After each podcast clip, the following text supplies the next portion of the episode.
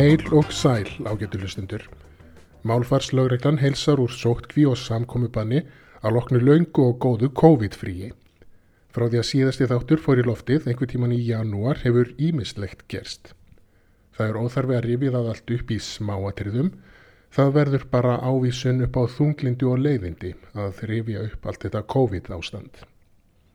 En rifjum samt upp öll þessi orð sem hafa orðið til síðan síðasti þáttur fór í loftið.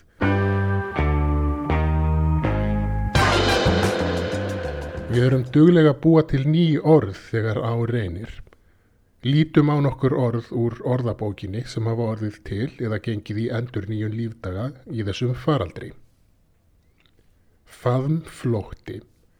Ástand sem skapast á tímum samkomubans þegar viðhalda þarf ákveðinni samskipta fjarlægð. Felst í því að fólk getur ekki faðmast eins og venjulega. Farsóttar þreita. Þreita á langvarandi farsóttum og afleiðingum þeirra. Tilfinning sem fólk fær þegar takmarkanir vegna farsóta, svo sem sótt kví og samkomubönn er orðin þreitandi og yfirþyrmandi. Fjarti. Parti eða gleðskapur sem er haldinn með aðstóð fjarfundarbúnaðar. Þáttakendur hittast þá hver fyrir framann sinn tölvuskjá í staðis að hittast öll á sama stað. Fordæmalauðs. Einhver eða einhvað sem á sér ekki hliðstæðum er áður óþægt eða hefur aldrei gerst áður. Heimkomu smitgátt. Aðgátt sem íslenski ríkisborgarar verða sína í fjóra til fimm daga eftir að hafa komið heim frá útlöndum og hafa farið í sínatöku á landamærum við heimkomu. Kínakveisa. Íslensk þýðing á sjúkdómnum sem veiran COVID-19 veldur. Sjúkdómurinn varðað heimsvaraldri í mars 2020. COVID-máur. Einstaklingur sem smittar mann af COVID-19 veirunni sem smittar svo annan. Sá fyrsti og síðasti í röðinni eru þá ornir COVID-máar. Kófhiti. Veikindatilfinning sem fólk fær þegar sjúkdómar eru mikið í daglegri umræðu. Þá telja menn sig finna fyrir sjúkdómsendkjenum þó þeir síu ekki veikir í alvörunni. COVID. Tímabilið frá byrjun mars frem í miðjan mæ 2020 og tímabilið frá miðjum september 2020 þar til við vitum ekki hvenær, þar að segja tímabilið þar sem COVID-19 faraldurinn stóð sem hæst á Íslandi. Kórónóta tilfinning. Ónóta tilfinning vegna COVID-19 veirunar og ástand sem skapast vegna hennar. Kóviskubitt.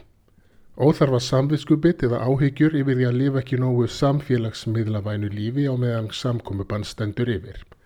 Til dæmis yfir því að vera ekki nógu miklum tíma með börnum og fjölskyldu eða yfir því að standa ekki í nógu miklum stórræðum eða framkvæmdum á heimilinu. Kóviti. Í fyrsta lagi. Sá eða svo sem hamstrar vörur að nöðsynalösu, svo sem klósettpapír eða matarbyrðir til lengri tíma en viku.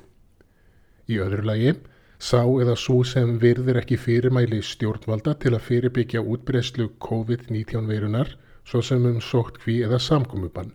Í þriði lagi, sá eða svo sem telur sig vita allt um veiru og eða faraldsfræði án þess að vera mentaður eða mentuð í fæinu. Skrifar á samfélagsmiðla og í aðtugasendakerfi fréttavefja og reynir að segja stjórnvöldum og heilbriðis yfirvöldum hvernig þau eiga að vinna vinnuna sína. Samgöngubann. Bann við samgöngum á milli staða. Oft beitt til að hefta á útbreyslu og smittsjúkdómum. Orðið var mikið notað í daglegri umræði um COVID-19 veiruna vorið 2020 og þá oft í mismælum þegar átt var við samkomubann, sem er næsta orð, bann við hverskins skipulögðum fjöldasamkomum fólks. Oft er settur hámarksfjöldi fyrir fólk sem má hittast, til dæmis 20 til 100 manns. Samskipta fjarlægð.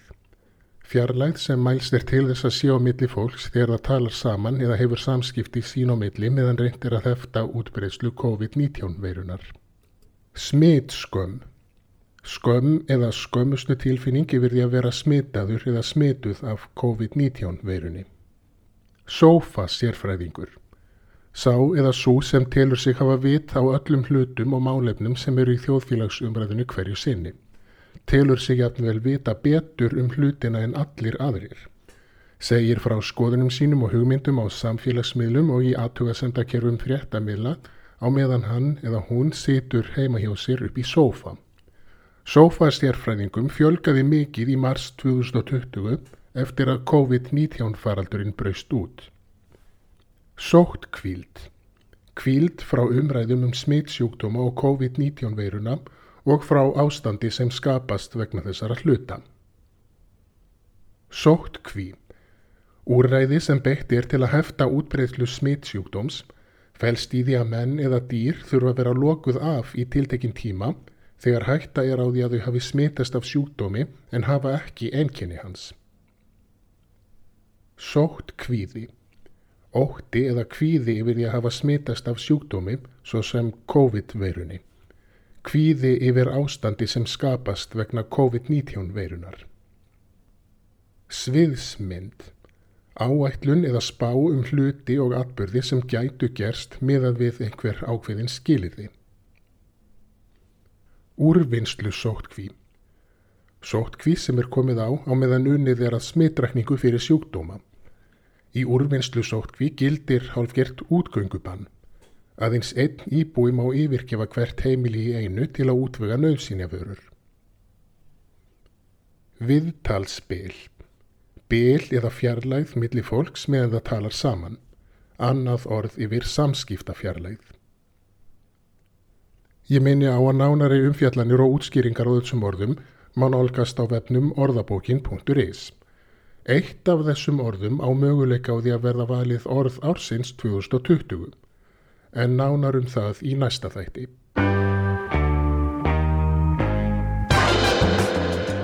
Þá er komið að föstum lið eins og venjulega.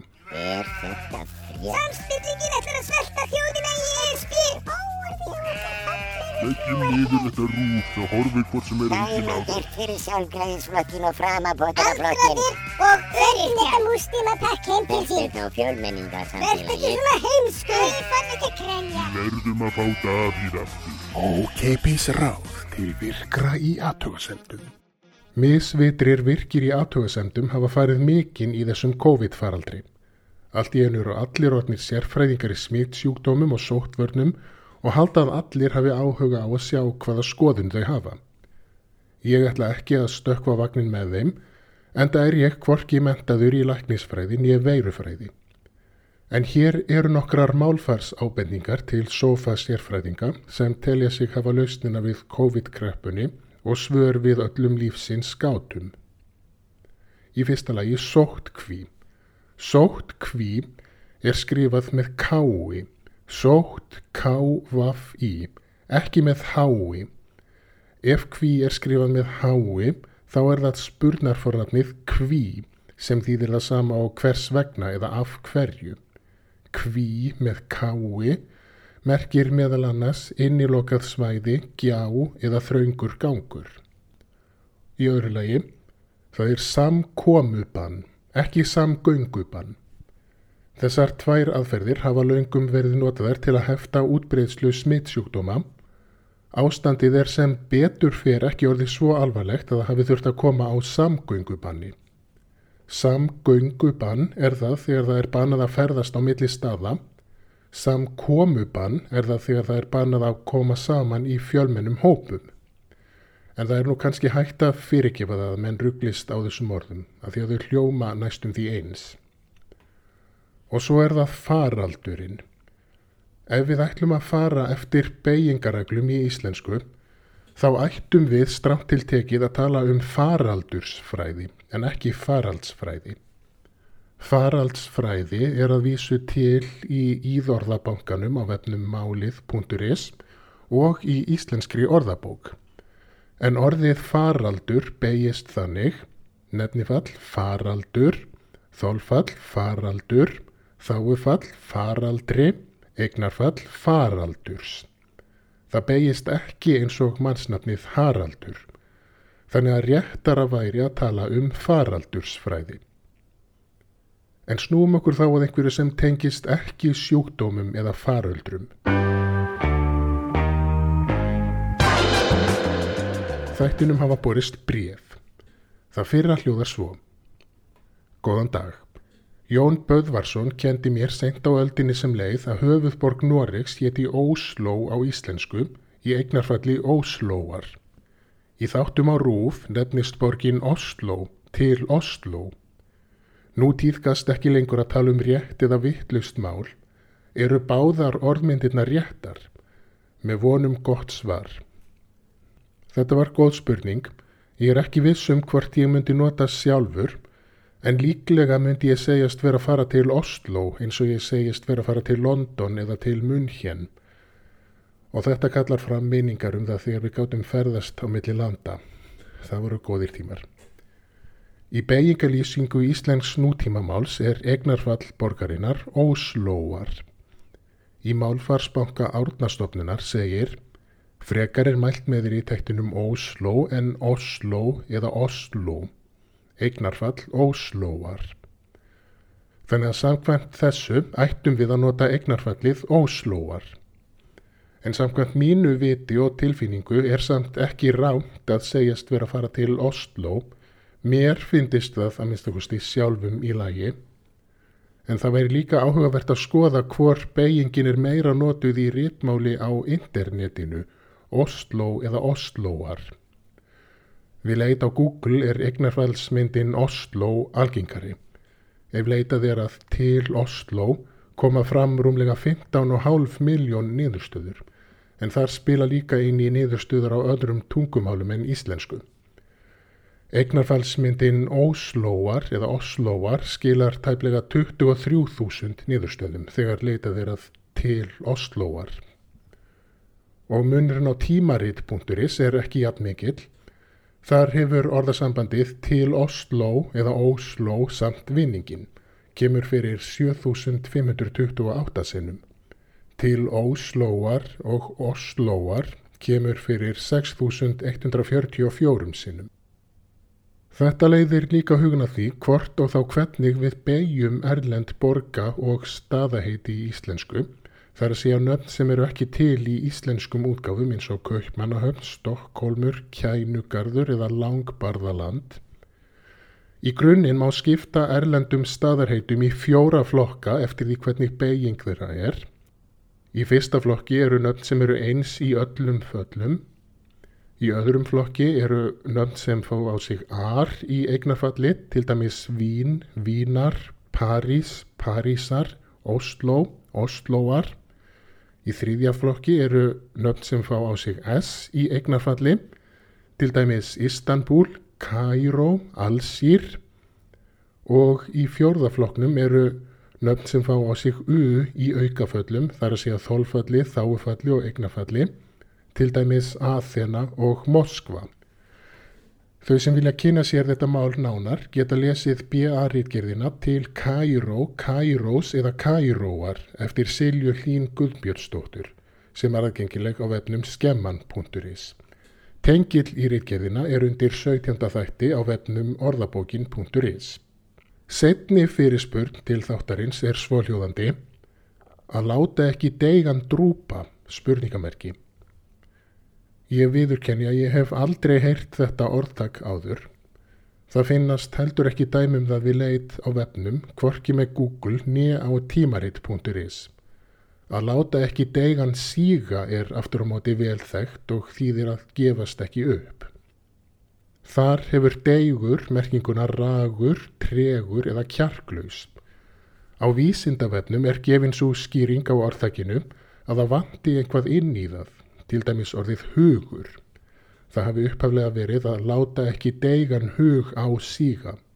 Hugsunin og bakviðað sé því að láta ekki deigan hug, það er hugleysi, ná yfirhöndinni. En sagnorðin drúpa og síga hafa vissulega svipaða merkingu. Þegar við drúpum höfði látum við að síga niður eins og við getum. En að láta ekki deigan drúpa hljómar dálítið eins og eitthvað frá stjórnmálamanni sem vil slá um sig með orðtökum en kann ekki fara rétt með þau. hér og ég við Vigdísi Haugstóttur, en annar möguleik er sá að þetta sé rugglingur með orðasambandið deigur dropi. Þegar það er ekki deigur dropi eftir, þá er allt búið. Þar hefur deigur merkinguna blöytur. Það var ekki deigur dropi eftir af björnum þegar partíið var búið, þýðir að það hafi ekki verið neitt eftir af björnum þegar partíið var búið. Þá er ekki deigur dropi eftir í hugmyndabruninum að þessu sinni. Ég minni á vefin orðabókin.is, einnig á samfélagsmiðla málfarslögreglunar á Facebook og Twitter þar sem hægt er að senda inn fyrirspurnir. Látið ekki deigan síga í baráttunni við helvítis veiruna. Látið farsóttar þreytuna ekki buga ykkur, ekki vera kóvitar. Veriði sæl.